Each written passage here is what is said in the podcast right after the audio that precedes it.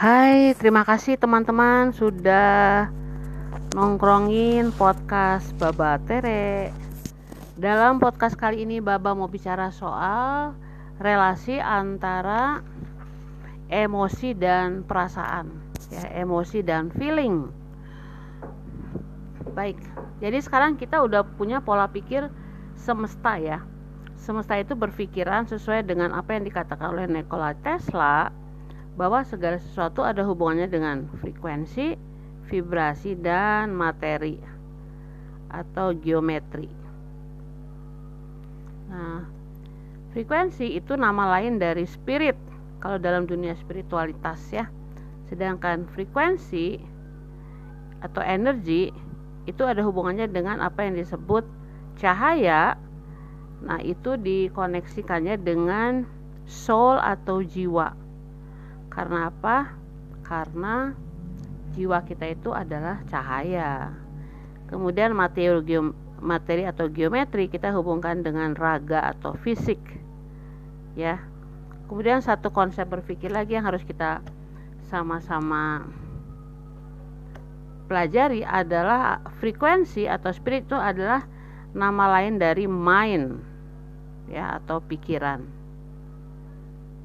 Sementara Frekuensi, energi, cahaya, jiwa atau soul itu mempunyai nama lain yang disebut emosi. Nah, jadi kalau kita berpikir mengenai segitiga ini maka sekarang kita lihat di mana hubungan antara emosi dan feeling ya. Nah, emosi adalah getaran internal dia adalah bersifat elektrik ya reaksi listrik. Dan dia bersifat kimia chemical ya. Nah jadi kalau emosi terdiri dari tiga hal tersebut ya atau vibrasi internal kita reaksi elektrik kita dan reaksi kimia yang ada di dalam diri kita maka emosi adalah konsekuensi dari suatu sebab dan sebab itu adalah karena keberadaan apa yang disebut denyut atau puls yang berasal dari luar diri kita ya berasal dari denyut eksternal jadi kita bayanginnya gini nih yang sederhana ya emosi itu ada di dalam diri kita. Lalu ada semacam uh, denyut atau frekuensi-frekuensi yang punya hitungan yang berasal dari luar diri kita. Nah, frekuensi-frekuensi itu yang berdenyut itu lalu menghasilkan suatu uh, reaksi di dalam diri kita yang sifatnya itu vibrasi internal. Ada gelombang-gelombang listrik yang kita rasakan di dalam tubuh kita dan ada rasa-rasa yang bersifat chemical atau kimia ya Contoh paling sederhana adalah kalau kita jatuh cinta. Pada jatuh cinta itu ada semacam uh, denyut eksternal yang masuk ke dalam gelombang elektromagnetik di sekitar tubuh kita ya. Lalu dia membuat kita merasa bergetar, kita merasa deg-degan, kita merasa kayak kesetrum listrik gitu ya dan kan kayak ada reaksi kimia yang ada di dalam diri kita. Nah itu emosi. Nah feeling atau perasaan adalah reaksi akibat dari adanya suatu sebab atau denyut tapi denyut itu sifatnya internal. Kenapa?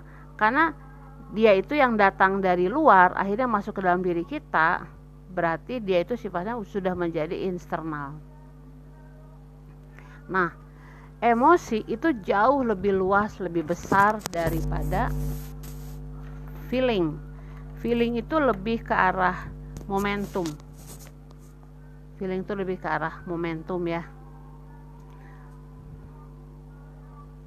Misalnya nih, kebahagiaan itu emosi karena dia adalah sesuatu yang jauh lebih luas tetapi kegembiraan itu sifatnya feeling karena dia biasanya momentum ya. Kebahagiaan itu skopnya lebih luas daripada kegembiraan. Karena dalam kebahagiaan nanti ada juga kesedihan atau keterharuan atau tangisan atau kepiluan tapi fokusnya tetap pada konteks kebahagiaan. Nah kegembiraan hanyalah bagian dari kebahagiaan yang lebih besar itu ya jadi sebenarnya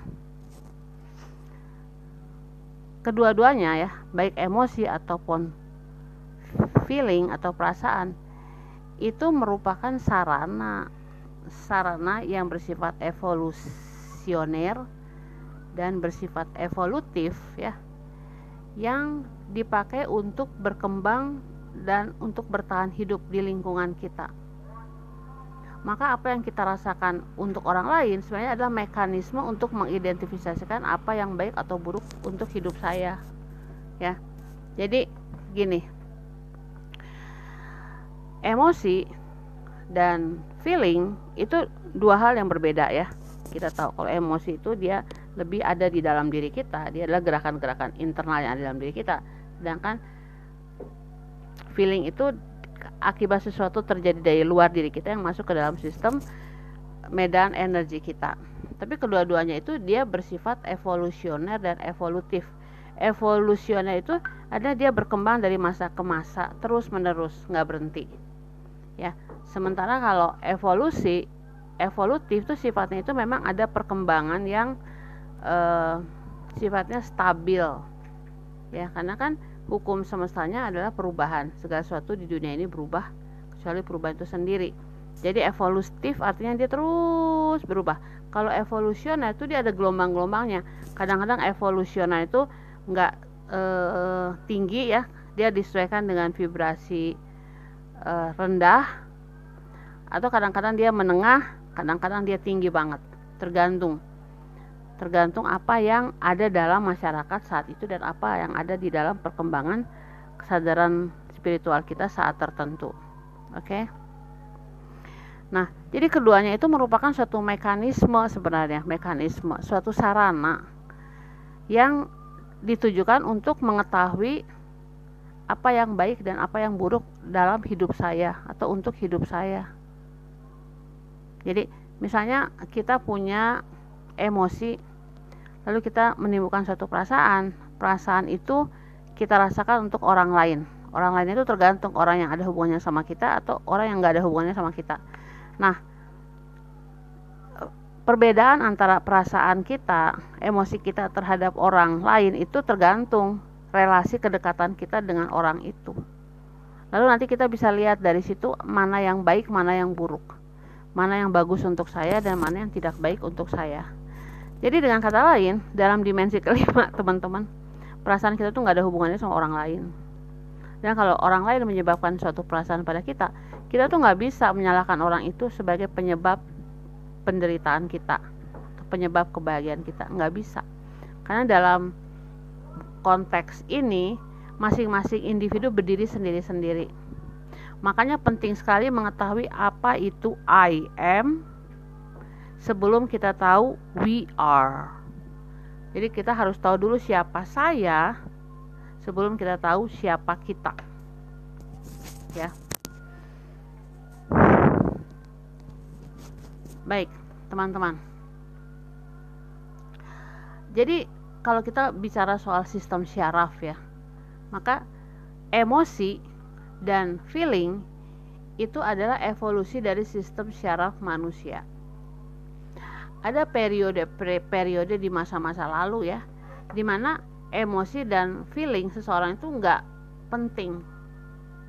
Makanya itu ada kasus-kasus peperangan perbudakan e, pemerkosaan berdasarkan sistem e, apalagi ya sistem penindasan dan lain-lain.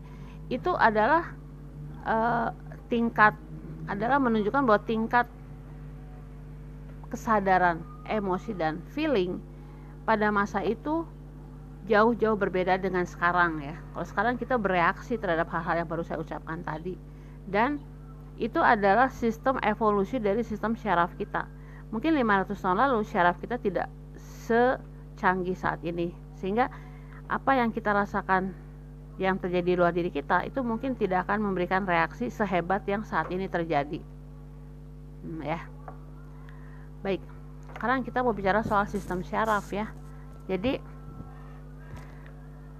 ketika kita menyentuh, sesu menyentuh sesuatu dengan lembut dengan tangan kita atau mencium sesuatu yang enak ya dengan hidung kita atau melihat warna-warni yang indah dengan mata kita itu sebenarnya ya sistem syaraf kita itu nggak terlalu memperhatikan apa yang ada di luar diri kita dia nggak terlalu mempedulikan apa yang dirasakan oleh tangan kita oleh mata kita oleh hidung kita tetapi dia mengingatkan akan keamanan rahim ibu kita pada saat kita merasa begitu aman dan nyaman di dalam rahim ibu kita masing-masing.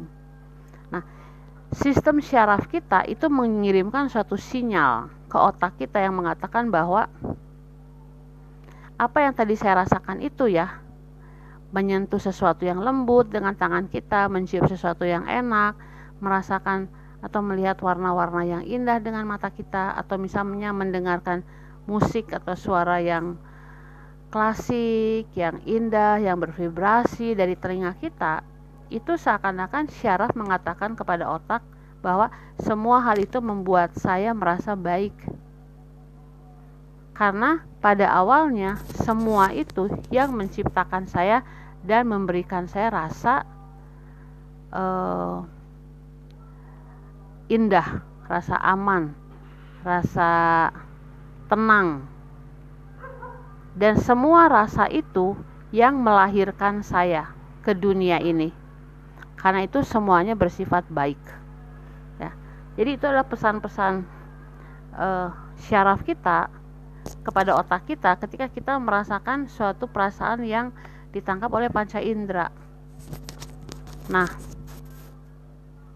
kebalikannya pada saat kita mencium hal yang bau busuk, ya, sampah, atau tangan kita menyentuh rasa panas dan terbakar, atau ada warna-warna menyolok yang membuat mata kita tidak nyaman, maka otak itu menerima sinyal gugup atau khawatir atau takut yang mengatakan bahwa hal itu menimbulkan rasa tidak aman dan bisa membahayakan kita.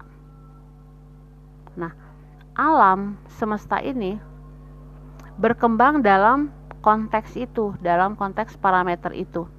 Sehingga seluruh sistem syaraf kita itu dapat mengidentifikasikan apa yang dapat membunuh kita atau apa yang bisa memberikan kita rasa aman. Nah, dalam konteks tersebut selama jutaan tahun evolusi dari uh, sel makhluk-makhluk sel satu atau evolusi dari mineral ke tumbuhan atau binatang sampai terutama kepada mamalia ya, karena kita bagian dari mamalia si denyut syaraf itu yang memberikan pesan kepada otak itu berkembang secara reaksioner terhadap rangsangan-rangsangan yang ada dari luar diri kita. Dan itu menghasilkan emosi. Ya. Nah jadi emosi itu berasal dari itu sebenarnya. Dari suatu percakapan antara syaraf kita dengan pusat otak kita. Dan ingat ya otak itu hanya nggak hanya ada di belakang kepala kita tetapi ada di seluruh tubuh kita. Ya. Nah itu ada semacam conversation dari waktu ke waktu dari abad ke abad dari uh, zaman ke zaman yang intinya itu adalah aman atau tidak aman. Nah di dalam konteks mamalia denyut syaraf itu berkembang menjadi suatu gerakan reaksioner terhadap rangsangan-rangsangan tersebut yang disebut emosi tadi. Ya nah ini kalau kita perhatikan nih eh, semua data-data yang ada di bumi katakanlah ya yang ada di tempat kita sekarang dan juga yang ada di semesta itu disimpan dalam apa yang disebut emosi. Nah, lalu ada semacam pola yang mengembangkan semua kemampuan-kemampuan menyimpan data emosional itu sehingga akhirnya menghasilkan suatu bank data. Nah,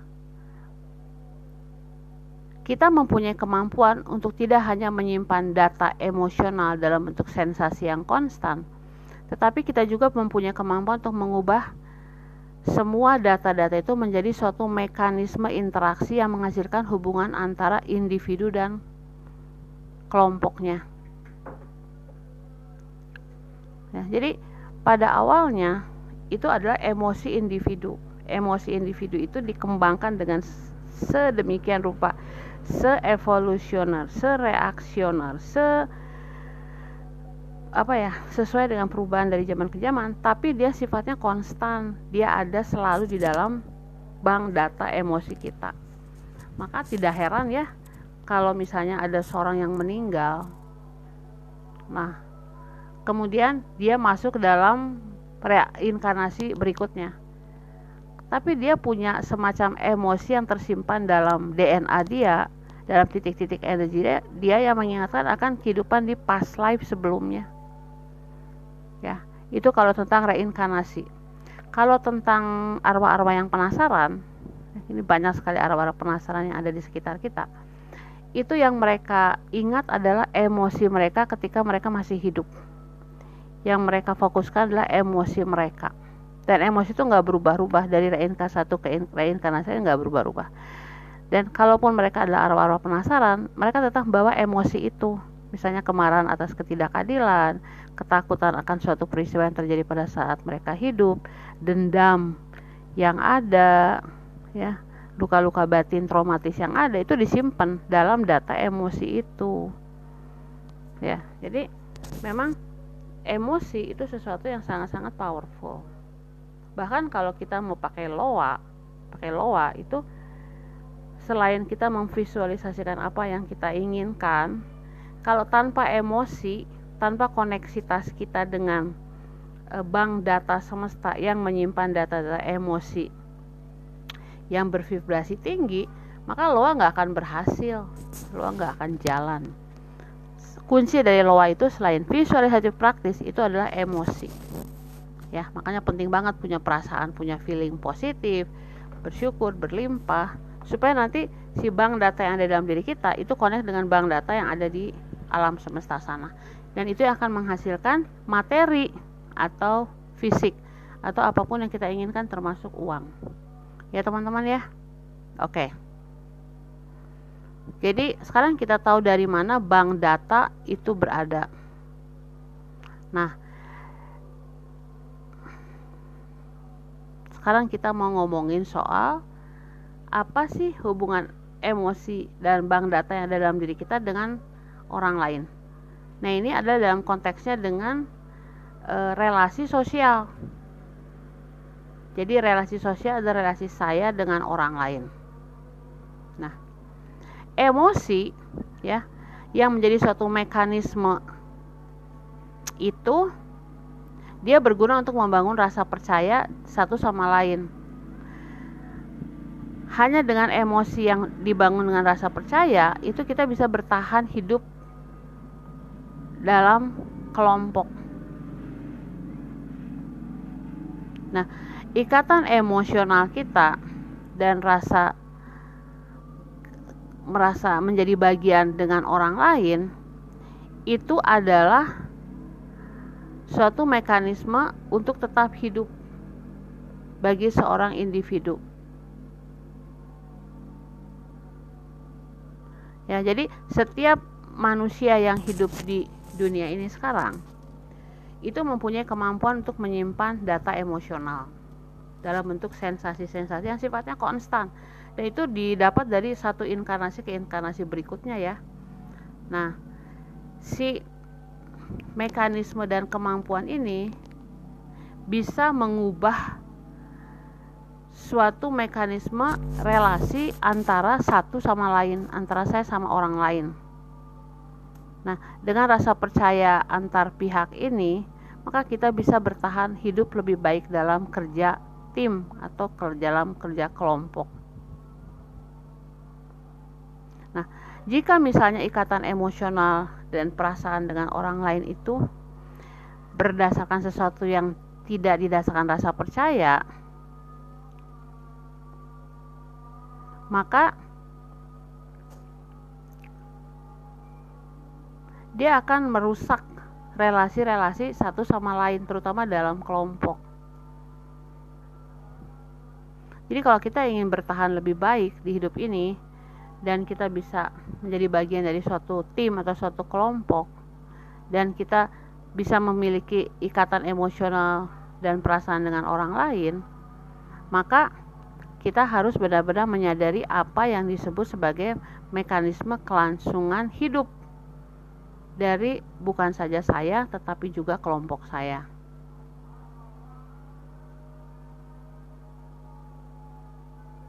Ya, teman-teman, ini penting sekali untuk kita ketahui ya. Jadi di mana sih kita dapat suatu hubungan emosional dengan kelompok kita, dengan keluarga kita, dengan suku kita, dengan bangsa kita? Karena dia itu adalah dorongan dari sistem syaraf kita dan ingat syaraf kita itu nggak cuma ada di tubuh kita dia juga ada di semesta ini semesta ini mempunyai sistem syaraf semesta. Nah apa yang terjadi dalam diri kita itu terjadi juga di luar diri kita. Sehingga relasi antara syaraf kita dengan otak kita dan relasi dengan antara syaraf-syaraf yang ada di semesta ini dengan sumber syaraf ya sumber syaraf yaitu sang sumber sang intelektual mind yang paling paling tinggi itu akhirnya memungkinkan kita bisa melangsungkan kehidupan sebagai spesies manusia ya nah emosi itu suatu ikatan dia membangkitkan kebersamaan, perasaan kelompok, rasa aman dalam keramaian, kelangsungan hidup dalam kelompok, dalam kawanan. Itu lalu kita sebut sebagai suatu keluarga. Ya, keluarga itu menghasilkan suatu kebudayaan. Dan kebudayaan itu menghasilkan masyarakat. Dan masyarakat itu menghasilkan peradaban Semakin besar kelompoknya, semakin tinggi peradabannya, itu memungkinkan e, kita melampaui batas ruang dan waktu. Kita semakin besar dalam ikatan yang kita hasilkan dan kita akan merasa lebih aman.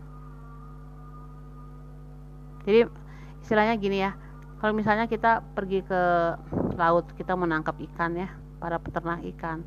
Lebih baik rame-rame pergi dengan jaring yang kuat dan bagus dibandingkan dengan kita mancing pakai satu pancingan. Ya.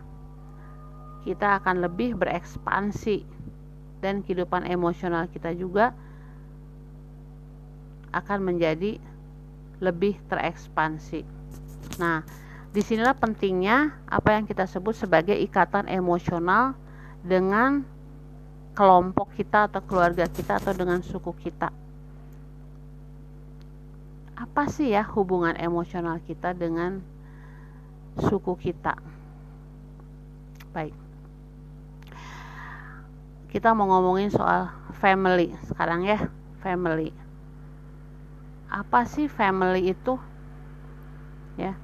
Family itu berasal dari uh, kata famulus. Famulus itu artinya apa coba? Artinya pembantu atau budak. Ketika saya pertama kali baca ini saya benar-benar kaget. Ya ampun ternyata family itu berasal dari famulus dan famulus artinya servant atau slave. Wow nah jadi dari kata famus famus itu artinya dalam bahasa Latin itu artinya menjadi lapar. Memang pada awal mulanya ketika pertama kali suatu family atau suatu keluarga dibentuk oleh manusia itu semuanya itu dikumpulkan karena rasa lapar ya jadi ada rasa lapar yang akhirnya mengumpulkan satu keluarga dengan keluarga lain menghasilkan satu keluarga besar atau suatu suku atau suatu komunitas. Lalu mereka menyiapkan makan bersama. Nah lalu apa hubungannya dengan kata perbudakan? Keluarga ya keluarga kekuatan komunitas itu memaksa orang-orang yang menjadi bagian dari keluarga itu untuk mengikuti peraturan dari sang pemimpin ya sang ayah dari kelompok itu. Ya nah nama lainnya adalah master. Ya ada master ada seorang yang mimpin yang kuat. Nah tapi kenyataannya bahwa memang setiap grup itu kalau kumpul bersama memang kebutuhannya untuk bertahan hidup Tujuannya untuk bertahan hidup. Nah, pada masa ke masa ada orang-orang tertentu yang lalu merasa terjebak. Terjebak dalam konteks keluarga tersebut karena mereka lalu menyadari bahwa mereka tidak mau menjadi budak. Mereka pengen bebas. Ya. Nah, selama ber ribu-ribu tahun itu kekuatan keluarga sangat-sangat besar. Keluarga bukan cuma keluarga asal, tapi bisa dikatakan suku, bahkan suatu komunitas, suatu negara, itu kekuatan untuk bergantung dan bertahan hidup dengan satu pemimpin yang ngurus semuanya itu eh, tidak bisa kita pungkiri sehingga kita harus menerima bahwa kita adalah bagian dari keluarga itu dan kita mewarisi darah. Nah, darah itu yang disebut konsep-konsep, ideologi, dan emosi dari keluarga itu. Ya, jadi yang menarik bahwa akhirnya emosi yang uh, membesarkan kita adalah emosi dari keluarga atau komunitas di mana kita dibesarkan ya nah di sinilah di sini konsep tentang timbulnya apa yang disebut religion. Jadi kebutuhan untuk bertahan hidup dan kebutuhan untuk menjadi bagian dari suatu uh, kehidupan untuk bisa tetap eksis itu akhirnya menciptakan sebuah jejaring network ya dalam bahasa sekarang mah Nah, network itu dia itu semacam ikatan-ikatan yang menyatukan orang-orang yang terpisah. Nah, lalu dari ikatan itu yang disebut dalam bahasa Inggris bind, ya, B I N D, itu lalu konsepnya berubah menjadi link. Lalu kita me-link. Nah, re-link. Re-link itu dalam bahasa Latin disebut religare. Religare itu adalah asal muasal kata dari religion. Jadi religion itu berasal dari suatu kebutuhan untuk menciptakan suatu komunitas yang akhirnya e, dikuasai, dibosi atau dimasterkan oleh seseorang untuk bisa e, mempersatukan link tersebut. Ya link-link tersebut. Nah di situlah asal mula agama. Agama diciptakan untuk bertahan hidup dan agama diciptakan untuk mempunyai emosi yang sama dari setiap anggota anggotanya dari konsep itulah dalam bahasa Latin religare atau originnya adalah religion ya. Dalam bahasa Indonesia adalah agama.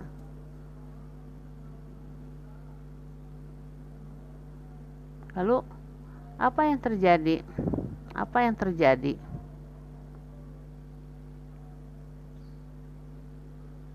Nah yang terjadi adalah lalu emosi kita yang bersifat individual lalu berhubungan dengan emosi yang bersifat komunal lalu lalu kita tidak tahu lagi emosi mana yang merupakan emosi kita dan mana yang merupakan emosi warisan.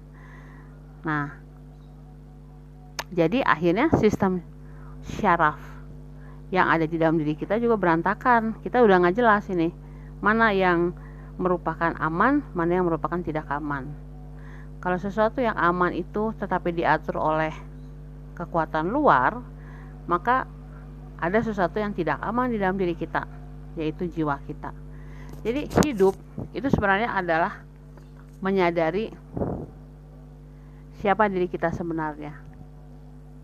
Nah, pada asal muasal, pada asal mulanya ketika saya bicara soal segitiga frekuensi vibrasi dan materi yang adalah sama dengan spirit, jiwa, dan raga yang adalah juga sama dengan mind, emosi, dan raga Lalu kita harus benar-benar menyadari tentang eksistensi emosi.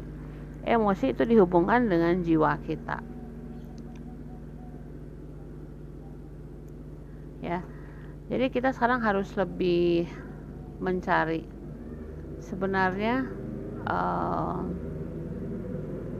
apa sih yang kita inginkan dalam hidup ini. Tetapi pertanyaan yang paling besar adalah who I am?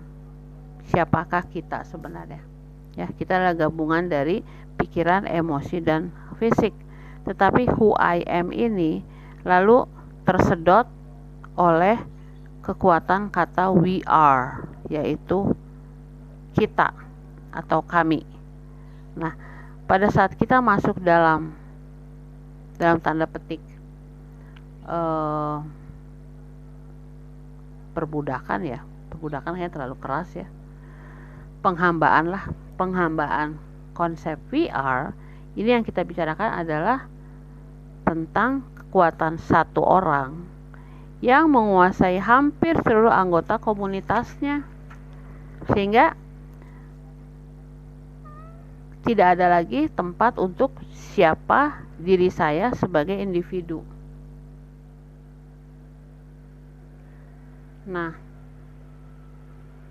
di masa transformasi ini kita akan belajar bagaimana caranya kita mengetahui siapa diri kita, apa emosi yang adalah milik kita, dan apa emosi yang merupakan emosi kolektif yang diwarisi. Nah, bukan berarti bahwa e, semua orang harus keluar dari sistem, enggak juga sih. Ada orang-orang yang merasa nyaman di sistem nggak apa-apa. Tetapi salah satu jebakannya adalah ketika kita tidak nyaman di satu sistem ya sistem apa pun itu lalu kita mau pindah ke sistem lain sebenarnya yang kita lakukan adalah kita tetap ada dalam sistem yang sama dengan nama yang lain jadi orang ganti agama itu sebenarnya yang diganti cuma namanya aja. Tapi si esensi dari agamanya tetap ya ajaran-ajarannya mungkin beda bukunya beda pemimpinnya beda. Tetapi hakikatnya adalah sama. Hakikatnya adalah kita harus tunduk kepada seorang pemimpin atau sekelompok pemimpin yang menentukan apa itu emosi kita yang menentukan emosi seperti apa yang bisa kita yang wajar yang layak yang benar yang boleh yang diperbolehkan? Ya di situ. Maka itu yang disebut perubahan. Perubahan itu kita keluar dari satu sistem misalnya sistem agama kita pindah ke agama lain ya. Ini saya pernah lakukan itu tuh. Jadi dari agama yang membesarkan saya saya berubah menjadi agama suami saya. Lalu akhirnya saya sadar ternyata walah ternyata esensi dari agama yang pertama saya anut dan agama suami saya kok sama ya sama-sama tidak memberikan saya kebebasan harus mengikuti ritual-ritual yang tidak sesuai dengan hati saya. Nah, ketika saya menyadari hal itu, maka saya lalu memutuskan untuk melakukan apa yang disebut transformasi. Transformasi itu adalah kita ada dalam lingkaran 360 derajat dan kita ada di tengah-tengah. Sehingga kita tidak melawan religi mana pun kita tidak meninggalkan religi mana pun, tapi dengan pengalaman kita sendiri, kita bisa melihat ke segala arah. ya jadi transformasi adalah ketika kita tidak berpindah 180 derajat ke sistem atau struktur lain tapi kita tetap ada di mana kita berada. Dan kita bisa melihat ke 180 derajat yang ada di sekitar kita. Nah ketika kita sampai pada saat itu maka kita mempunyai apa yang disebut emosi pribadi. Emosi yang adalah milik saya sendiri. Emosi yang adalah tumpukan dari ribuan emosi dari inkarnasi satu ke inkarnasi lainnya lalu kita menyadari bahwa kita itu mempunyai kebebasan untuk membuat batas. Batas antara emosi saya dan emosi orang lain. Dengan kata lain, kalau secara sains kita bisa menentukan di mana medan elektromagnetik kita. Dan kita menghormati medan elektromagnetik orang lain, tetapi kita sadar kita berada dalam satu medan energi yang disebut elektromagnetik semesta sehingga sebenarnya antara saya sama orang lain nggak ada konflik karena kita adalah satu tanpa menyadari kehidupan emosi pribadi kita, maka si segitiga antara mind, emosi, dan raga nggak jalan. Karena kita masih tersedot dengan emosi um, komunal atau kolektif. Apakah itu buruk atau baik? Nggak juga sih. Nggak baik, nggak buruk ini mah. Ini mah cuman mengatakan bahwa kalau kita memilih menjadi bagian dari suatu sistem, dan kita tidak menyadari bahwa itu adalah bukan emosi origin kita, maka kita tidak pernah mengenal siapa diri kita sebenarnya. Lalu kita lalu mendefinisikan kita dengan we are kolektif tanpa tahu apa artinya menjadi are kolektif. Ya. Tetapi kalau kita misalnya masuk dalam perjalanan jiwa lalu mengenal siapa diri kita sebenarnya, siapa I am kita, Lalu setelah kita tahu I am kita adalah yang adalah gabungan dari pikiran, emosi dan raga, lalu ketika kita benar-benar sadar akan itu, lalu kita akhirnya masuk dalam satu konsep we are yang sifatnya semesta, sifatnya universal. Dan di dalam are yang universal ini tidak ada yang disebut konflik, peperangan, perbedaan, nggak ada karena kita semua adalah satu.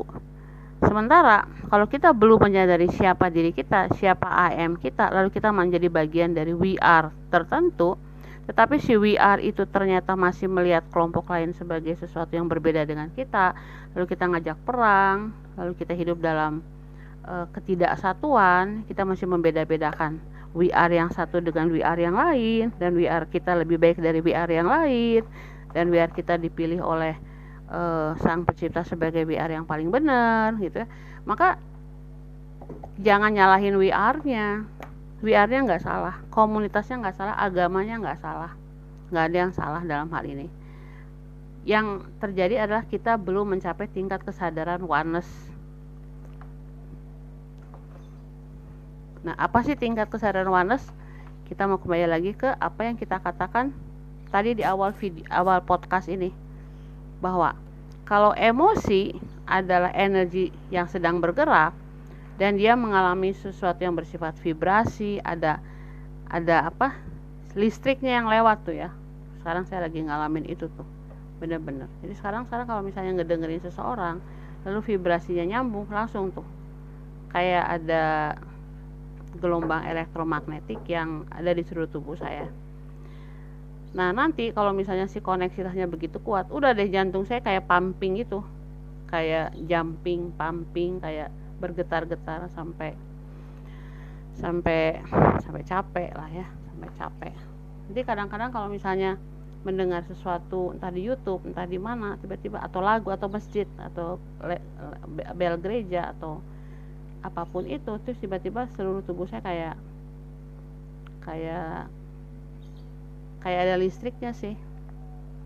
Tapi listriknya bukan listrik yang tidak ada magnetnya. Jadi dia kayak ada magnet yang menarik tapi dia bersifat elektrik gitu. Saya nggak bisa ngejelasinnya kayak apa. Cuma rasanya nggak nyaman aja. Jadi lebih baik lebih baik tinggal di rumah aman.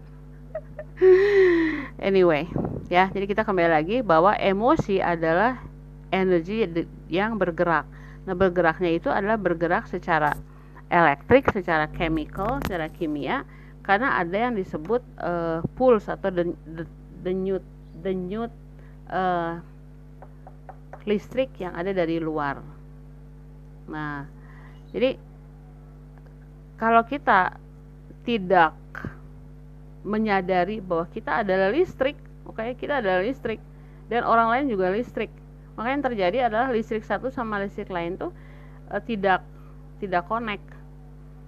Sementara kalau kita connect yang terjadi adalah seperti yang ada di gambarnya Tesla. Ya Anda coba lihat ya di Google ya. Di Google tuh Anda lihat gambar Tesla.